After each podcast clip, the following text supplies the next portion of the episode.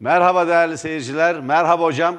Merhaba sevgili izleyiciler, merhaba sevgili Yanardağ. Hocam bugün e, haftanın ilk günü ama hafta sonundan ağır bir gündem e, devraldık. Hocam siz çocuğun bu kadar istismar edildiği tarihte başka bir dönem hatırlıyor musunuz? Evet, hatırlıyorum. İkinci Dünya Savaşı'nda Almanya'da yaptılar. Evet. İkinci Dünya Savaşı'nda Alman Nazi yani faşist propaganda bakanı Göbels Maalesef. çocukları faşizm propagandasında, ırkçılık program, propagandasında, insanlığa karşı işleyecekleri suçların yolunu döşemek için kullandı değil mi? Evet, maalesef. Evet. Hayır, daha o seviyede değiliz henüz ama inşallah. Değiliz. O seviyede değiliz. Çok haklısınız. Ben de aynı kanaatteyim. Böyle giderse o seviyeye kadar gelecek. Daha da tehlikeli bir şey var hocam. Bugün bir takım troller yine, bir takım gericiler ve faşizan ve ırkçı kapalı, kafalı bir takım siyasal İslamcılar sizin çocuklarınız bunlar, bizim çocuğumuz bu diye Eren Bülbül'ün, bakın bir terörist saldırıda ölen Eren ya da bir çatışmada ölen Eren Bülbül'ün fotoğrafını koyup karşı tarafa da Berkin Elvan'ı, Uğur Kaymaz'ın fotoğraflarını koyuyorlar. Hayret, ne ilgisi var ya? Yani, hayret. Şimdi durum şu. 10 yaşındaki bir çocuğu Trabzon'da siz miting alıyorsunuz. Bakın bu çocukların hepsi bizim. Eren Bülbül'ü, Eren Bülbül bizim çocuğumuz, bizim evladımız. Bu ülkenin evlatları onlar. Gayet tabii, gayet. Onu Uğur Kaymaz'dan ayıramazsınız. Çocuk ölülerini yarıştırmayın birbirinizle. Bu birbiriyle. Bu kadar ilkel, bu kadar ilkel, bu kadar insanlık dışı, bu kadar ahlaksızca bir yarıştırma olmaz. Çocuk, ölü çocuklar birbiriyle yarıştırılamaz. Bir çocuğun ölüsü diğerinden daha değerli ya da daha değersiz değildir. Bizim evlatlarımız onlar. Onların tümü bizim yüreklerimize gömüldüler. Bu ülkenin çocukları onlar. Ve maalesef ve maalesef bu ülkeyi yönetenler bu ülkenin birliğini, bütünlüğünü, barışını, demokrasisini, eşitliğini ve adaletini kuramadıkları için bu çocuklar öldüler. Diğer fotoğraf alalım şimdi. 10 yaşındaki bir çocuğu kürsüye çıkartıyorsunuz. 15 milyon insanın oyunu almış bir ana muhalefet partisi liderine onun ağzından hain dedirtiyorsunuz. Elinde de o çocuğun bir oyuncak var, oyuncak araba var. Paketi şeffaf olduğu için anlıyoruz. Elinde bir oyuncak araba var. Görünüyor sen Evet, olacak. oyuncak araba var. Şimdi bakın bu çocuk adına yapılan paylaşımdaki yazıya bakın. Yarından itibaren babam gelecek çok şükür. Babamı çıkaracaklar diyor. Babası hapiste. Bir organize suç grubunun, oluşumunun, çetesinin mensubu ve yöneticisi olmaktan haraç almak, çek senet tahsilatı yapmak, baskın, yaralama, vurma vesaire gibi çok sayıda suçtan hapis yatan bir yurttaşımızın oğlu. Babasını özlüyor. Her çocuk gibi. Annesini ya da babasını özlüyor. Babası yanında olsun istiyor. Ve muhtemelen öyle anlaşılıyor ki burada Sayın Erdoğan da istismar edilmiş durumda. Büyük bir olasılıkla bu çocuğa babanı çıkaracağız, sen, baban gelecek, babanı kurtaracaksın denmiş olmalı ki bir nefret söylemiyle doldurulmuş bu çocuk. Hainlik kavramını bilmez. Fakat vahim olan şu. Sayın Süleyman Soylu İçişleri Bakanı olarak diyor ki Eren Bülbül'ün katillerinin arkadaşlarına hain dedi o çocuk. 10 yaşındaki çocuk. Biz dünden beri o fotoğrafı gösteriyoruz ve sesi vermedik, yayını vermedik vesaire değerli seyirciler. Bay Kemal diyor bakın Bay Kemal lafı Erdoğan'dan taklit edilerek söylenen bir laf. Bay Kemal sen vatan hainisin diye devam ediyor. O vatan hainine oy vermeyin. Erdoğan abiye verin ya da amcaya verin oyları diye devam ediyor.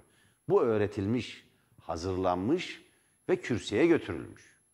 Aynı kişinin, aynı çocuğun Süleyman Soylu'yla daha önce çekilmiş fotoğrafları çıktı. Ne yani şimdi? Ne diyeceğiz biz buna? Ve Süleyman Soylu bir tweet attı. Güya işte bir çocuk heyecanla kürsüye çıkar, liderin elinden mikrofonu almak ister.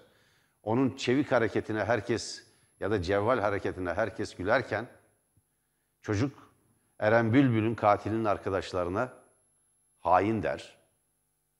Çocuktan al haberi diye bitiyor. Bir İçişleri Bakanlığı'na bu yakışmaz. Bu doğru değil.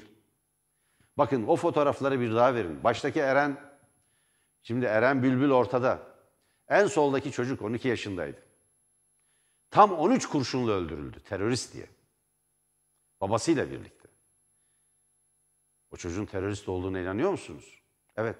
O gördüğünüz çocuk işte. O güzelim çocuk. Önlüğüyle, okul önlüğüyle. Ortadaki o güzelim çocuk Eren Bülbül. Eren Bülbül'ün annesinin bu sabah Murat Taylan anlattı. Bir 2017'de Doğan Haber Ajansı DEHA'ya verdiği bir demeç var. O çocuğu polisler yer göstermek üzere araziye götürüyorlar. Teröristlerin yerini gördüğünü söylüyor çünkü. Nerede gördün bunu göster diye götürüyorlar. En önde onu gönderiyorlar ve çatışmada ölüyor. Arada ölüyor. Bakın hedef gözetilerek öldürülmüş bir kişi de değil. Ve o anne polisleri suçluyor çocuğumu götürdüler orada ölümüne yol açtılar diye. E ne diyeceğiz? Kimi öldürdü şimdi? Berkin Elvan. Kim mi güdeceğiz? 13-14 yaşındayken bakkala ekmek almaya giderken terörist mi ilan ediyorsunuz onu? Yani şimdi ne diyelim? Birisi de çıksa şey Berkin Elvan'ın katillerine hain mi desin? Veyahut Eren e, Bülbür'ün e, katillerinin arkadaşlarına hain dendiği gibi öyle iddia ediliyor. Uğur Kaymaz'ın, bakın o ilkokul öğrencisi Uğur Kaymaz'ın katillerinin arkadaşlarına hain dedi mi desin toplumun bir kesimi de. Neyi yarıştırıyorsunuz? Uğur Kaymaz da, Eren Bülbül de, Berkin Elvan da bizim evladımız. İşte mesele bu. Bu çocukları birleştirecek bir yönetime, iktidara ihtiyaç var. AKP çocukları bile bölüyor. Ülkeyi, insanları, yurttaşlarımızı, bu milleti böldüler. Mezhep bakımından böldüler, din üzerinden böldüler, etnik köken açısından böldüler, siyasi tercihler üzerinden böldüler, inananlar, inanmayanlar diye böldüler. Ve en sonunda çocukları böldüler. Son derece tehlikeli bir gidiştir bu. Bir an önce terk edilmelidir bu.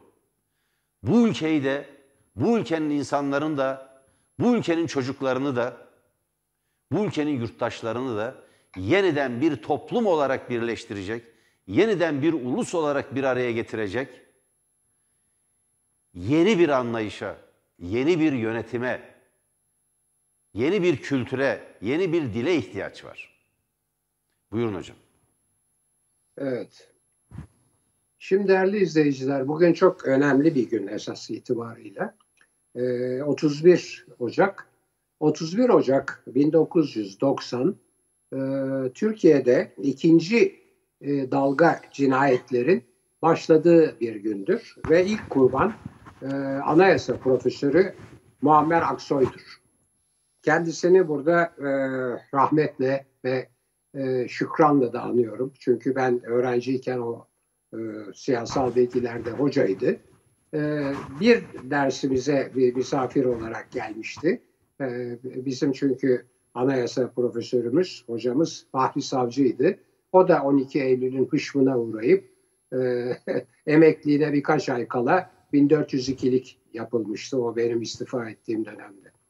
E, kendisini rahmetle anıyorum ve diliyorum ki Türkiye bir daha ne Türkiye'yi 1980 e, darbelerine darbesine götüren e, o korkunç günlere döner ne de 1960'tan hatta e, çok yakın zamanlara kadar 2015'e yani Gar katliamına, Susurluk katliamına kadar falan giden olaylara döner. E, Aksoy'u unutmayalım. Ben bugün e, kongar.org e, www.kongar.org e, adresli sitemde e, Muammer Aksoy'la başlayan cinayet salgınının e, veya dalgasının günümüze kadar gelen örneklerini verdim. E, bir e, ibret listesi olsun diye. Bunu söyledikten sonra iki noktaya bu çocuğun evladımızın kullanılması konusunda iki noktaya işaret etmek istiyorum. Birisi çocukların siyaset alanında veya siyasi ideolojiye e, e, alet olarak kullanılması ve siyasi onların beyinlerinin siyasi ideolojilerle yıkanması e, demokratik hatta hatta otoriter rejimlerde bile pek görülmez. Bu genellikle totaliter rejimlerin bir e, yöntemidir. Neden totaliter rejimlerin bir yöntemidir? Çünkü totaliter rejimler bireyi bütün varlığıyla, bütün yaşamıyla, bütün duyguları ve düşünceleriyle e, kendilerine bağlamak isterler. Kendilerinden kasıt tabii devlet, devletten kasıt parti, partiden kasıt lider. Yani bu gayet klasik bir şey. E, devlete, e, partiyi egemen e, kılarsınız. Partinin e, lideri de partiye egemendir.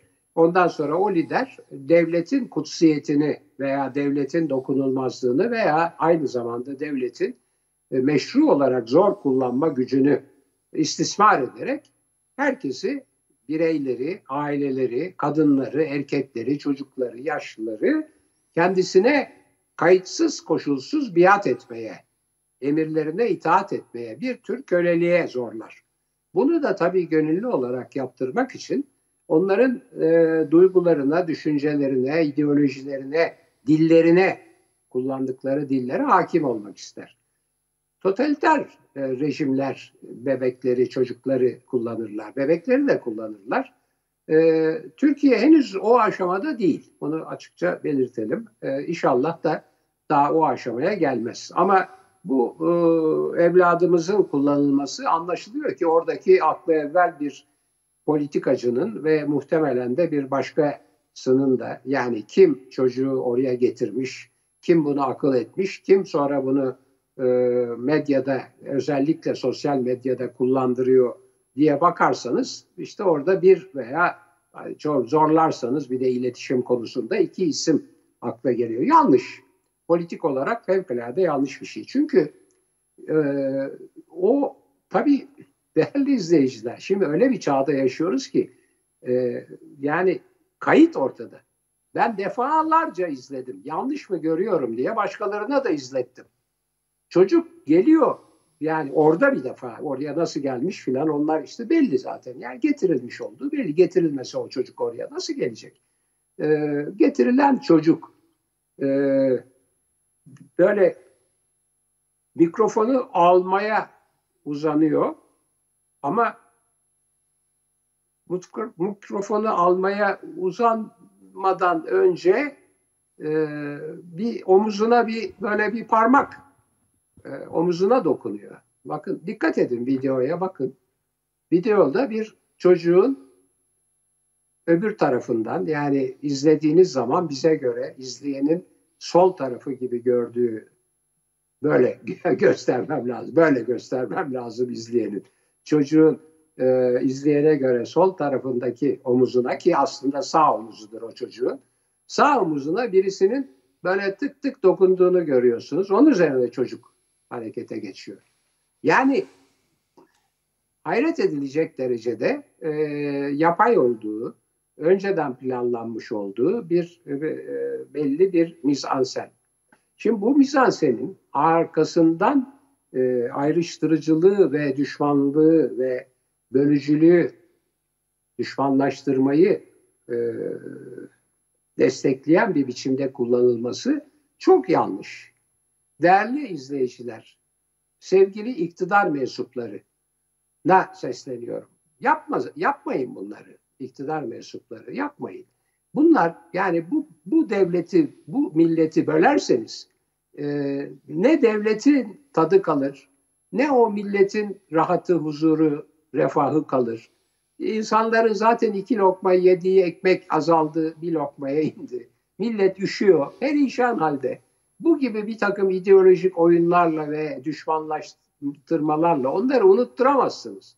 Onları daha da mutsuz edersiniz ve size olan güveni daha da sarsarsınız. Yapmayın bunları. Yani evlatlar hepimizin evlatları. O yaştaki çocuğun yani büyüklerine yaranmak için neler yapabileceğini hepimiz biliyoruz. Tabii bu Türkiye'deki bir başka kültürün de yansıması gibi. Yani ben çevremde görüyorum. Ee, işte e, küçük çocuklar yeni konuşmaya başladıklarında gel bakayım gel Ayşe ya Hasan bir küfret bakayım bir güzel bir küfret filan. Oo bak ne güzel küfrediyor filan. Bu bir, çok yanlış bir şey. Bir. İki, daha korkunç bir şey var. Dijital medyada, sosyal medyada çok beni üzen bir başka tavır var. Biz bu hale nasıl geldik diyorlar. Değerli izleyiciler, biz bu hale gelmedik. Bir defa iktidar bu hale geldi. Birincisi o. İkincisi, bu hale bir, birileri geldiyse de onlar da getirildi. Bakın hemen sevgili Yanardağ, hemen size vereceğim şimdi. 15 yılda 15 yılda Mustafa Kemal Atatürk bir din tarım toplumunu yani toprak ağlarından ve köylülerinden oluşu, köylülerden oluşan bir toplumu asla aşağılamak için değil, yapı öyle. Toprak ağlarından ve köylülerden oluşan bir toplumu 15 yıl gibi inanılmaz kısa bir sürede kentsel endüstriyel bir toplumdaki cumhuriyet vatandaşları haline getirmek için altyapıyı kurdu. Kimse dönüp bu bu toplumun başarısıdır. Bu bu milletin büyük başarısıdır diye bundan övünmüyor. Ben hiç bunu duymadım. En çok Mustafa Kemal'in Atatürk'ün devrimleriyle filan övünülüyor. Aslında odur bizim başarımız. Türk insanının çağdaşlığı ve uygarlığa intibakıdır. Ama şimdi 20 yıldır iktidarda olan, 20 yıldır iktidarda olan, canımızı okuyan,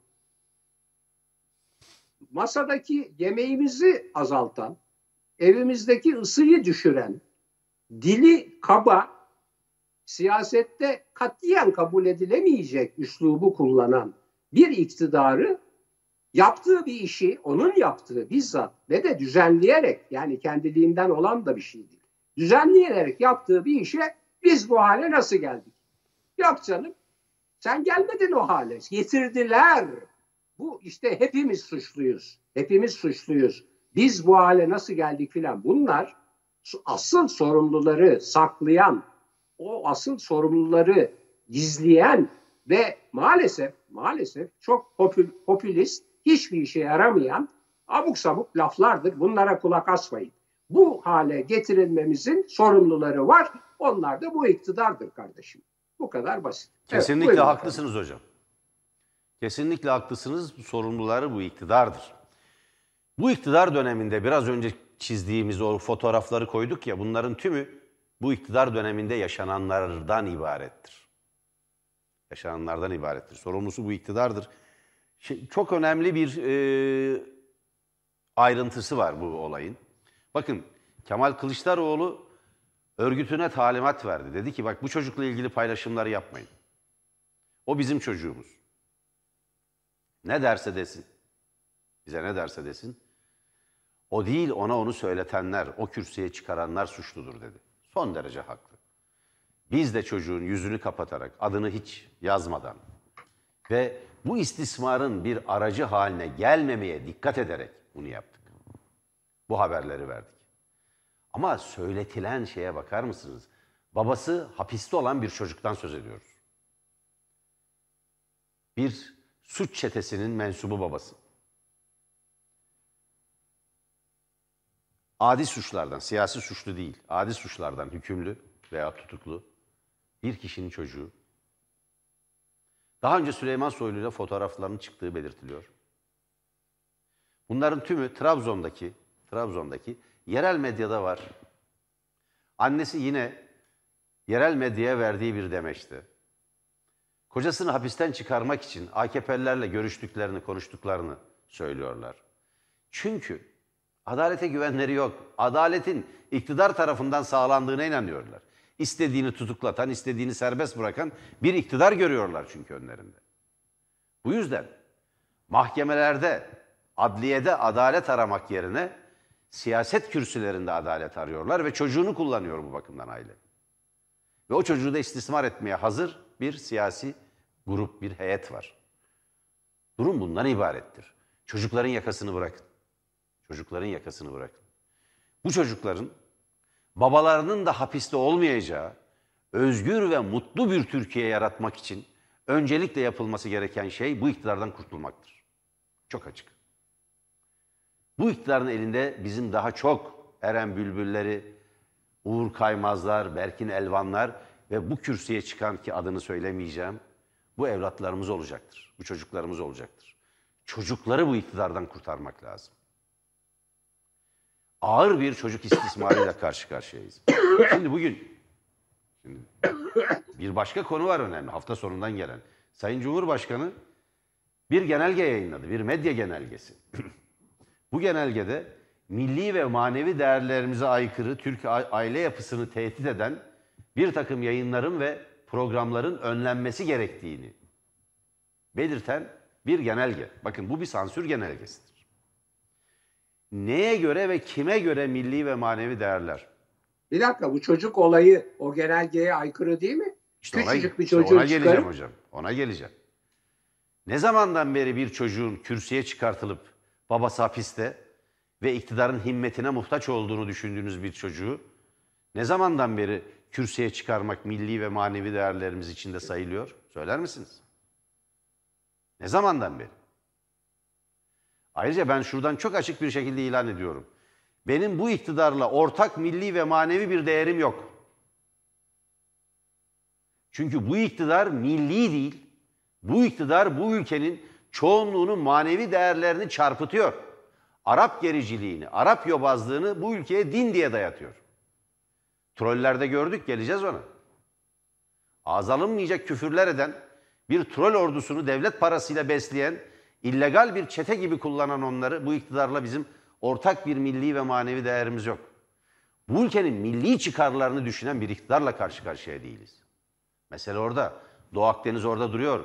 Suriye sorunu orada. Suriye bataklığına Türkiye'yi bir başka toprak bütünlüğüne ve egemenliğine saygı duymamız gereken karşılıklı bir ülkedeki iç savaşı kışkırtmak bizim milli ve manevi değerlerimizde ortak bir yanı yok. Ege'de tam 18 tane ada ya da kayalığı Yunanistan ele geçirdi ve kendi bayrağını dikti. Gıkınız çıkmadı. Lozan açık. Sizinle bizim ortak milli ve manevi değerimiz yok. Bir Amerikan projesi olarak gelen, emperyalizmin bir imalatı olarak oluşturulan bir siyasi partiyle bizim ortak bir milli ve manevi değerimiz yok. Bu ülkeyi din ve mezhep üzerinden bölen bir iktidarla bizim milli ve manevi değerimiz yok. Ha şu kastediliyorsa, aile sağlığı vesaire. Önce Esra Erol'a bakacaksınız ATV'de, yandaş medyada. Gördünüz mü dün sosyal medyada var. Yaşı büyük bir erkek tarafından istismar edilen, cinsel istismara tabi tutulan, buna tecavüz demek, istismar da doğru bir kavram değil böyle. Türkçeyi de çok o kadar yozlaştırdılar ki istismar Ha, tecavüz başkadır, ya, tecavüz, tecavüz. başkadır. Tabii, tabii. 18 yaşındaki bir genç kadını, bir kızı stüdyoya çıkarıp onun izni olmadan onun yüzünü gösteriyor. Tepki gösterince de bir ahlak dersi vermeye kalkıyor. Sen kimsin ya ahlak dersi veriyorsun? Senin ne işin vardı o adamla sen onu düşünecektin diye. Sizin insanların acizliğini, insanların zavallılığını, insanların çaresizliğini sömürerek, reyting uğruna istismar ederek para kazanmanız ne zamandan beri ahlaklı oldu da milletin ahlakını sorguluyorsunuz siz? Bakın bir takım evlilik programları, bir takım böyle bu reality show denilen e, entertainment kanallardaki bu programların tamamının yasaklanmasından ben yanayım. Çünkü orada kadın istismarı, çocuk istismarı, insanların zavallılıklarının istismarı, çaresizliklerinin istismarı var. Bu başka bir şey. Ama bunun milli ve manevi değerlerimize aykırı dediğiniz zaman o kadar geniş bir kavram ki bir süre sonra size eleştiren, rahatsız ol. Çünkü milli ve manevi değerlerin temsilcisi olarak iktidar kendisini görüyor. Kendi değerlerini, bakın AKP'nin Emevi yobazlığını bize milli ve manevi değerlerimiz diye dayattığını çok açık olarak söylemek gerekiyor. Bu değerleri eleştiren kişilere veyahut kurumlara veyahut medya organlarına veyahut gazetecilere Veyahut siyasetçilere yarın bir gün milli ve manevi değerlerimize aykırı davranıyorsunuz diye soruşturma mı açacaksınız siz? Bunu daha doğru tanımlamak lazım. Ben seçimlere giderken Türkiye, seçimlere giderken bunun da bu hazırlık kapsamında olduğunu, muhalefetin sesini kesmeye, muhalif yayınların, bağımsız yayınların sesini kısmaya ve kesmeye dönük bir adım olduğunu düşünüyorum. Değerli seyirciler, hafta sonunda Cumhurbaşkanı Erdoğan böyle bir genelge yayınladı. Milli ve manevi değerlerimize aykırı Türk aile yapısını tehdit eden yayınların engellenmesine dönük. Fakat kavram muğlak, tarif etmiyor. Niye karşı olduğunuzu tarif etmiyorsunuz. Palo ailesi denilen bir aileyi bu ülke gayet iyi tanıdı. Kim çıkardı bunu? Yani e, özel bir operasyonla eline ele geçirdiğiniz medya grupları değil mi? O dörtlü yonca yaprağı diye bilinen Kanal D, e, ATV, Show, Star. Bu dörtgende dönmüyor mu bunlar? ATV'de yayınlanmadı mı bu? Biraz önce sözünü ettiğim. Bakın girin medyaya. Bir genç kızın nasıl bir feryat haline, nasıl bir ahlak dersi veriyor bir de. Ahlak abidesi sanki. Ayıptır. Görgüsüzlüktür bu. Saygısızlıktır. Buyurun hocam. Evet, e, tabii bu çok e, tipik bir kadın düşmanlığı. Bunu kadın yapınca daha da göze batıyor. Yani tecavüze uğrayan bir kıza sen de onlara ahbaplık etmeseydin.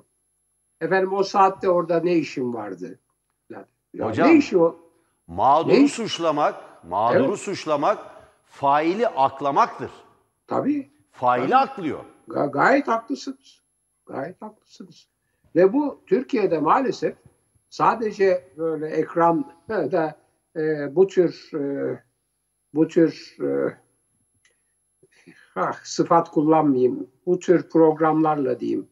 e, işte para kazanan, prim yapan kişilerin yaptığı bir şey değil. Maalesef resmi görevliler hatta hatta e, yargı mensupları hatta güvenlik mensupları bile böyle bakıyorlar. O saatte sokakta ne işin vardı? Sen evli misin? Çeviriyor mesela. Soruyor. Ne işin var bu saatte? Direksiyondaki kadına soruyor. Nereden geliyorsun? Nereye gidiyorsun? Ne işin var filan. Yani polis evlatlarımızı filan eğitmek lazım tabii bu konuda. Ee, kesin yani ayrıca yargıya e, eğitim vermek lazım. Yani böyle şey olur mu ya? Yani e, her insan kadın, kız, erkek, e, yaşlı, e, genç neyse istediği gibi istediği yerde istediği kişiyle olur. Bu ona o birlikte olduğu kişinin veya beraberinde yaşadığı insanın veya eğlendiği hatta işte içki içtiği veyahut gezdiği, eğlendiği birisinin Kim ilgilendirir ya? tabii tecavüz etmesini gerektirmez. istemediği bir şey yapmasını da gerektirmez. Yani bu ne biçim şey bu? Malum şey böyle çirkin atasözleri var. Efendim kuyruk sallamıştır. O kuyruğunu sallamasaydı bilmem ne olmazdı filan gibi bir takım iğrenç bir takım şeyler. Ne demek kuyruk sallamak falan? Yani bunlar bu atasözü gibi bir takım özlü değiş gibi ortada dolaşan lafları da yani kullanmamak lazım. Yani bu da çok çirkin bir şey. Şimdi dönelim gelelim e, siyaset dilinin e, muhalifi karalama meselesine. Şimdi Amerika'dan bir e, örnek vermek istiyorum size. Biliyorsunuz Amerikan politikası e, tamamen başkanlar, başkanların e, kampanyaları üzerine tabidir. Ve bu kampanyalarda e, kişisel şeyler e, de öne çıkarılır. Buna işte mud smearing dedikleri çamur atma veya e, işte character assassination dedikleri karakter e, suikastı falan gibi isimler de veriyorlar. Efendim işte bunu geçmişinde bilmem ne e, de hır bir şeyden mağazadan bir şey çalmış ya bir kızla bilmem ilişkisi olmuş falan gibi şeyleri bulmaya çalışırlar. Varsa bulurlar, bulamazlarsa başka şeyler olur. Filmlerde var. Zamanında orduda işte katıldığı şeyde bilmem katliam yapmış da sonra onu örtbas etmek için ona katılan bütün kendi adamlarını öldürüyorlar filan. Böyle şeyler. Şimdi bunlar bir yana size bir örnek vereceğim. Yakınlarda ölen bir Amerikalı senatör vardı. Bu aslında Amerikan politikasında benim tasvip etmediğim bir cumhuriyetçiliğin, bir e, işte böyle kırsal alan, muhafazakarlık, dincilik falan gibi değerlerin simgesi olan bir adamdı. Fakat çok önemli bir özelliği vardı bizim açımızdan. Adam Türkiye düşmanıydı. Şey pardon çok özür dilerim. Türkiye dostuydu ve Atatürk Atatürk hayranıydı. Senatör McCain diye bir adam. Bu bir çok kıdemli bir senatör. Öldü. Şimdi öldü bu. McCain öldü. Tam bir e, Atatürk hayranı, tam bir Türkiye dostu bir adam. Ve Amerikan politikasında muhafazakar ters tarafta. 2008 yılında Obama'nın seçildiği yılda Obama'nın rakibi ve bir şey sırasında, miting sırasında bir kadın çıkıyor Obama'ya ya, ya bir sürü tatsız küfür ediyor, hakaret ediyor filan. McCain lafını kesiyor. Bir dakika diyor ya. Obama is a decent man diyor. Yani saygın, e, efendi bir adamdır diyor. Decent, decent sözüne bakın. Temiz, güzel, e, işte hoş filan demek. Yani e, düzgün demek, e, namuslu demek filan. Yani çok anlamı olan bir söz. Obama iyi bir insandır diyor. Yani çok merak edenler söyleyeyim. Yani e, McCain tells woman Obama is a decent person yazarlarsa şeye İngilizce bilenler veya İngilizce bilmeyenler de Obama artı McCain yazsınlar bu şey çıkacaktır.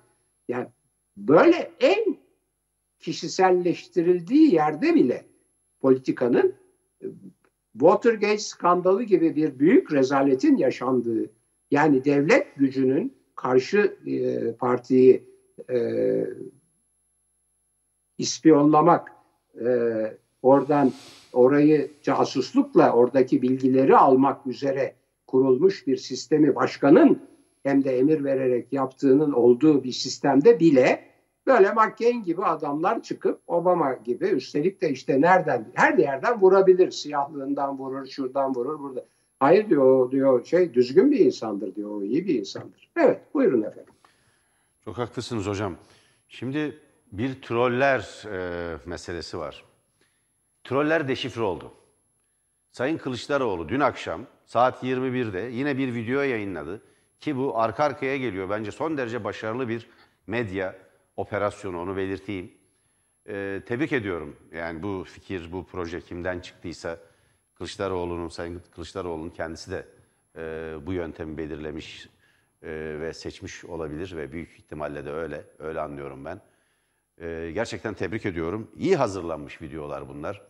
Dün akşam değerli seyirciler, illegal bir çete, terör örgütü gibi çalışan bir çete teşhir edildi, ifşa edildi.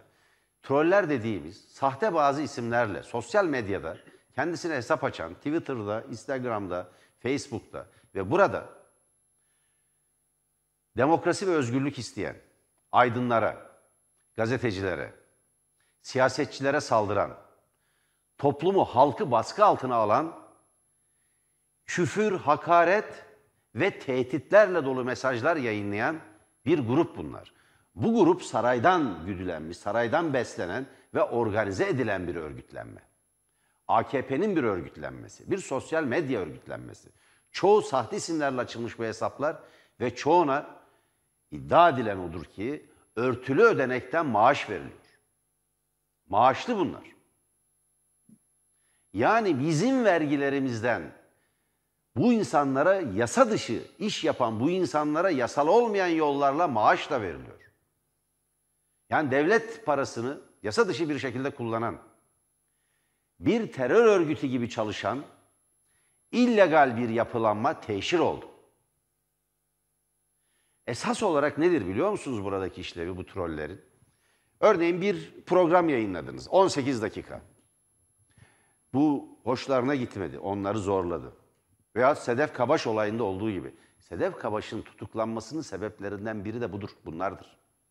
Bundan önce de Atilla Taş gibi bir takım muhalifler, bazı gazeteciler, bazı siyasetçilere karşı sosyal medyadan buna linç deniyor. Önce linç ediliyorlar bunlar, saldırılıyor, linç edilmeye çalışılıyor bunlar. Çarpıtılıyor, yalan üretiliyor. Çoğu da bilgisiz, görgüsüz olduğu için zaten bu iktidarı tanımlayacak tek şey siyaseten ve kültürel olarak rüküş bir iktidarla karşı karşıyayız. Bu anlama geliyor. Biraz önce sözünü ettiğimiz bu çocuğun, bir çocuğun kürsüye çıkartılıp istismar edilmesi veyahut bu troller ağız alınmayacak küfürler ediliyor. Bir tanesinin adı ne biliyor musunuz? Bir tanesinin adı neymiş efendim? Son, son Layık bükücü. laik bükücüymüş. Bu son yobaz bükücü. Adı deşifre oldu. Bakın uzaya kaçsanız kurtulamayacaksınız. Sizden hesap sorulacak. Nasıl büküleceğinizi göreceksiniz. Tele ağza alınmayan küfürler etti bu. Bana da küfürler etti. Dava açıyoruz. Avukatımıza verdik. Adını da söyleyelim. Nevzat Kanlı. Nevzat Efendi. Uzaya kaçsan kurtulamayacaksın emin ol. Nasıl büküleceğini göreceksin. Millete ana avrat küfretmek ne demekmiş anlayacaksın bunu. İnsanların eşine, kızına, anasına, babasına nasıl küfür edildiğini göreceksin. Küfür edilmenin ne olduğunu göreceksin. Hukuk önünde hesap vereceksin. Bunlar zannediyorlar ki bu devlet kendilerinin bir kere ele geçti, hep kendilerinin olacak. Yok öyle bir şey. Bu ülkede halife sultanların bile bir dokunulmazlığının olmadığı, hiç kimsenin dokunulmazlığının olmadığını unutmayın. Hiç kimsenin dokunulmazlığı yok. Hiç kimsenin. Kimseye hakaret etme, kimseye küfür etme hakkınız yok. Öyle son layık bükücü. Nevzat Efendi, sen olsan olsan son yobaz bükücü olacaksın. Son yobaz bükücü. Nasıl büküleceğini de göreceksin. İki gündür sesi çıkmıyor, gıkı çıkmıyor beyefendinin. Korkuyor. Merak etme. 200 bin kişiyi böyle beslediklerini söylüyorlar hocam. 200 bin kişi. Birisi kalktı biz bunlarla mücadele ediyoruz. Giriyoruz odamıza ailemizden zamanımızı ayırıyoruz. Açıkça söylüyor zaten. Giriyoruz mücadele ediyoruz bunlarla. Cihat yapıyoruz elhamdülillah diyor. Ne cihatı ya? Siz devlet parasıyla kamu malını harcayarak vatandaştan toplanan vergilerden beslenerek bu ülkenin aydınlarını, bu ülkenin muhaliflerini, gazetecilerini baskı altına alıp halkı tehdit ediyorsunuz. Halkı baskı altına alıyorlar. Ve hocam en acı tarafı nedir biliyor musunuz? Bazı savcılar sosyal medyadaki bu hareketliliği gerekçe göstererek Ya bazı açıklamaların veya programların halkı infiale sevk ettiğini belirterek dava açıyor. Benim hakkımda açılan böyle davalar var. Bunlardan bir tanesi Fetih suresine ilişkin davadır. Mahkeme reddetti. Mahkeme beraat ettirdi. Çok akıllıca bir, çok gerekçesi, çok akıllıca bir gerekçeye dayandırarak. Son derece akılcı, açıklayıcı ve gerçeği ifade eden. Neymiş efendim? Ben Ayasofya'nın açılışında Fetih suresinin okunmasını eleştirdiğim için halkın dini duygularını aşağılamışım. İddia bu. Sosyal medyada önce başladılar bu yönde yayınlara. Bir Yeniçeri korosu gibi başladılar. Bir Yeniçeri de vardı zaten aralarında. Kendisini Yeniçeri zanneden biri de vardı. Böyle bir saldırı başlattılar önce. Bu bir infial olarak değerlendirildi. Durumdan vazife çıkaran savcılar kendilerine yapılan bir şikayeti gerekçe gösterip dava açtılar. Bakın birçok insan hakkında bunu yapıyorlar. Birçok muhalif, gazeteci, aydın, bir sivil toplum e, örgütünün yöneticisi, bir kanaat önderi, herkes olabilir. Ve fakat eğer eleştiriyor olsalar başım üzerinde yeri var. Hiç kimse benimle aynı fikirde olmak zorunda değil. Eleştiri yok. Hakaret, küfür ve saldırı var. Ve tehdit var. Ve tehdit var. Adları da enteresan işte. Medya adamı, marjinal, son layık bükücü gibi bir takım isimler. Bir daha söylüyorum. İllegal bu yapılanma. Bir terör örgütü gibi çalışıyor. Cumhuriyete, Cumhuriyetin layık kurumlarına saldırıyor. Toplumu ve aydınları baskı altına almaya çalışıyor. Ve Cumhuriyet savcıları bunların hareketliliğini sanki toplum infiale gelmiş gibi değerlendirip dava açıyor. Bu illegal yapılanmadan dolayı, bu illegal yapılanma nedeniyle, bu yasa dışı örgütlenme nedeniyle mevcut anayasal düzeni yıkmaya dönük bu yapılanma hakkında mutlaka dava açılmalıdır. Ben buradan çağrı yapıyorum ve suç duyurusunda bulunuyorum. Biz avukat arkadaşlarımızla konuştuk. Bu Nevzat Kanlı denilen zat-ı muhterem hakkında davayı açacağız. Bakalım, bakalım. Hesaplaşacağız onlarla. Ben o bakımdan e, Sayın Kılıçdaroğlu'nun hocam çok son derece önemli buldum. doğru. E, dün akşamki videosunu. doğru. Buyurun hocam biraz uzattım kusura bakmayın. Estağfurullah rica ederim. Yok yok çok güzel. Şimdi tabii e, Kılıçdaroğlu'nun bu sosyal medyaya eğilmesi çok önemli. Çünkü iki konuda tabii gençlere yönelmesi, kadınlara yönelmesi filan. Tabii e, bunlarla birlikte Türkiye'nin en önemli eksikliklerinden biri olan internet bağlantısı. Yani Türkiye'deki internet bağlantısının altyapısının yani fiber, fiber, fiber hat evine geldi diyorlar ve hiç e, fiber hat parasını ve bilmem sınırsız bilmem ne ödüyorsunuz. En hızlısını, en yükseğini, en bilmem nesini habire kesiliyor ondan sonra. Yani inanılır gibi değil. E, inanılır gibi değil. Ya ben e, özellikle çok kritik zamanlarda e, bizim e, internetimizin e, yani e, kablosuz e, bağlantımızın kesildiğini söyleyeyim. E, yani mesela şu anda yok. E, inanmayacaksınız belki ama öyle. Ne hikmetse hep böyle 18 dakika zamanları da özellikle kesiliyor. Arıza yapıyor filan böyle şeyler oluyor. Öyle mi? Hmm. Evet, evet. Hayret edilecek bir şey. Şu anda yok işte. Ya gayet açık. Yani şu anda bağlanamıyoruz. Neyse. Şimdi e, hani diyeceksiniz ki nasıl bağlanıyorsun? İşte başka yollardan bağlanıyorum. Tabii o devlettir. Parti eşit devlet eşit lider. Birisi emir verirse o başka yollarda kesilebilir. Bir süre sonra hiç bağlanamayabiliriz yani. Bunlar Skype'ı falan bile engelleyebilirler de devlet ne olsa. Şimdi onları söyledikten sonra bir başka güzelliğe ben işaret etmek istiyorum. Bugün çok önemli bir olay oldu. Ee, Uğur Dündar, sevgili Uğur Dündar, e, Atatürkçü Düşünce Derneği'nin yılın gazetecisi ödülünü, Atatürkçülük ödülünü aldı. Kendisini buradan kutluyorum. Gazetecilik Uğur, alanında yılın evet, Atatürkçüsü ödülünü aldı. Evet, evet gazetecilik Biz alanında. Biz de haber bülteninde kendisiyle bağlantı evet, yaptık. Evet, çok iyi yaptınız, e, gördüm. Onunla birlikte Müjdat Gezen de sanat alanında e, gene Atatürkçülük ödülünü aldı. O da bugün Cumhuriyet Gazetesi'nde yazılarına başladı yeniden. Kendisine de gazeteye hoş geldin diyorum, tebrik ediyorum ama yani Uğur'la birlikte onu çok söyledim. Aynı ekranı ekranı paylaşmak çok e, güzel bir onur. Burada Merdan Yanardağ'ın böyle bir mucizevi bir biçimde başlattığı Teşekkür ve hala hocam bu, estağfurullah. Rica ederim. Mucizevi, mucizevi, mucize gibi. mucize gibi, mucizevi bir biçimde başlattığı Teşekkür ve büyük ederim. bir büyük Teşekkür bir başarıyla ederim. götürdüğü projeye e, katılmış olmak e, hepimiz için bir tarihi görev diye düşünüyorum. Onu belirledikten sonra çok kısaca hemen iki kişiye işaret edeceğim. Belki 3-4 kişi de olabilir ama iki kişi bu son günlerde görevden alınan iki kişi. E, birisi e, Adalet Bakanı, e, öbürü e, TÜİK Başkanı. Şimdi bunlar görevden alındı, bu zatlar, bu kişiler yerlerine yeni kişiler getirildi.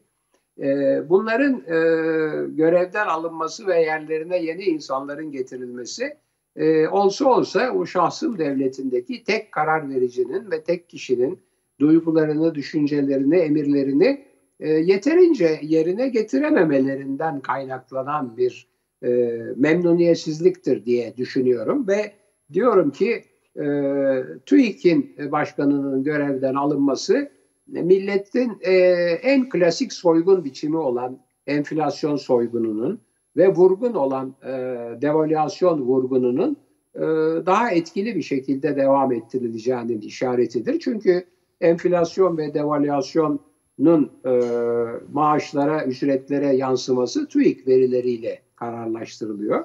Bunlar biliyorsunuz yani söylediğimin bir e, şeyi yok, bir hukuki sonucu yok. Ek, ekonomik, mali bir şey söylüyorum. Enflasyon toplumun soyulmasıdır. E, devalüasyon da vurgunudur. Yani bu gayet ekonomide bilinen bir şey. E, bunun daha e, devam edeceği, şiddetle ve artarak devam edeceği anlaşılıyor. Adalette de malum e, yani son günlerde yapılan bütün eleştirilere rağmen e, gene de demek ki yeterince hızlı, etkili ve şey olamamış ki kendisi e, bir başka arkadaşı tarafından e, ikame ediliverdi. E, seçim kadrosu kuruyor. Yani e, şahsım devletinin e, yöneticisi öyle anlaşılıyor ki seçimlere giderken seçim kadrosu kuruyor. Evet, yani buna işaret edeyim. Yarın belki daha uzun dururuz. Çünkü bunun arkasında Maliye Bakanı var, Merkez Bankası Başkanı var, değiştirilen. Onun için 2 dedim, 3, 4 dedim. Yani arkada Maliye Bakanı ve Merkez Bankası Başkanı da var. Evet efendim. Evet hocam haklısınız. Şimdi Abdülhamit Gül'ün e, görevden alınması veya istifası e, farklı yorumlara yol açtı. Ben de tam da öyle düşünüyorum. Zaten bir süredir bunu ifade ediyoruz. E, bir seçim hazırlığı e, şeklinde anlaşılabilir. Çünkü Türkiye daha sert bir döneme giriyor. Daha sert bir döneme giriyor. İktidarın sertleşeceği, e, demokrasi ve hukuk dışı yöntemlerle e, her yöntemi, her yolu kullanarak e, yeniden e, seçimleri almayı e, planladığı, bunu istediği bir döneme giriyor Türkiye. E, hatta Fehmi Koru yaptığı analizlerden birinde bir dönem iktidara yakın hatta e, AKP ile e, Pansilvanya arasında mekik dokuyan dip, e, yani şey ara, buluculuk, ara buluculuğa soyunan ya da kendisinden ara buluculuk yapılması istenen bir e, İslamcı gazetecidir. İslamcı gazetelerde e, uzun süre çalışmış, e, herkes bilir onu, Fehmi Koru. E, başka isimlerle de yazılar yazan birisidir. İstihbarata meraklı birisi. E, onu da belirtelim bu arada. Türkiye'nin çok sertleşecek bir, yani bir sertlik dönemine gireceğini, siyasal ilişkilerin sertleşeceği bir dönemin açıldığını belirtiyor ve e, Abdülhamit Gül'ün e, ayrılmasını da buna bağlıyor. Bunun yerine e, Abdülhamit Gül'ün yerine her denilen evet diyecek ve bir özgür ağırlığı bulunmayan, daha düşük profilli bir bakan olarak da Bekir Bozdağ'ın göreve getirildiğini söylüyor. Vallahi benim hakkımda böyle bir değerlendirme yapılmış olsa, yani e, ne diyeyim hadi o kavram yürütük tarafından yasak, hani e, işi gücü bırakır giderim, yani dünyadan çekilirim onu söyleyeyim. E, Bekir Bozdağ hakkında böyle bir değerlendirme yapılıyor. Ama AKP iktidarının daha da sertleşeceği bir döneme gireceğimiz ve seçimleri kazanmak için her türlü yasa dışı yöntemi kullanacağı bir e, döneme girileceğini ya da hukuk dışı diyelim veyahut veyahut e, kabul edilemeyecek bir takım yöntemlere başvuracağı bir döneme girileceğini söyleyebiliriz. Abdülhamit Gül'ün arkasından bir güzelleme yapmaya gerek yok. Onu da belirtelim. Zaman zaman bu hataya düşülüyor. Abdülhamit Gül, Sedef Kabaş hakkında yargısız infaz yapan biridir daha Vatan e, Caddesi'ndeki İstanbul Emniyet Müdürlüğü'nde sorgusu devam ederken belki sorguya bile çıkartılmadan suçlu Tabii. ilan eden Adalet Bakanı'dır. Bunu unutmayın. Tabii mahkemeye çıkmamıştı da. Tabii. Bunu unutmayın. Abdülhamit Gül böyle biridir. Bir Adalet Bakanı, üstelik Hakimler ve Savcılar Kurulu başkanı olan bir Adalet Bakanı peşin olarak daha sorgusu bile yapılmamış, mahkemeye bile çıkmamış birini suçlu ilan ederse hiçbir mahkeme onu serbest bırakmaz. Emin olun bundan. Sedef Kabaş'ın tutuklanmasının müsebbiplerinden biridir. Ona yargısız infaz yapan kişilerden biridir. Abdülhamit Gül. Bunu da unutmayalım. Değerli seyirciler bizden sonra e, Tuncay Molla Veysoğlu'nun Anında Manşet programı var. Önemli konukları var. Haftayı, günü değerlendirecekler, gündemi değerlendirecekler. Tam saat 21'de kaçırmayın derim. Yarın buluşmak üzere, hoşçakalın. Evet değerli izleyiciler, sağlığımıza, haysiyetinize, şerefinize sahip çıkıyorsunuz. Varsa paranızı da koruyorsunuz bu enflasyondan ve devalüasyondan. Görüşmek üzere.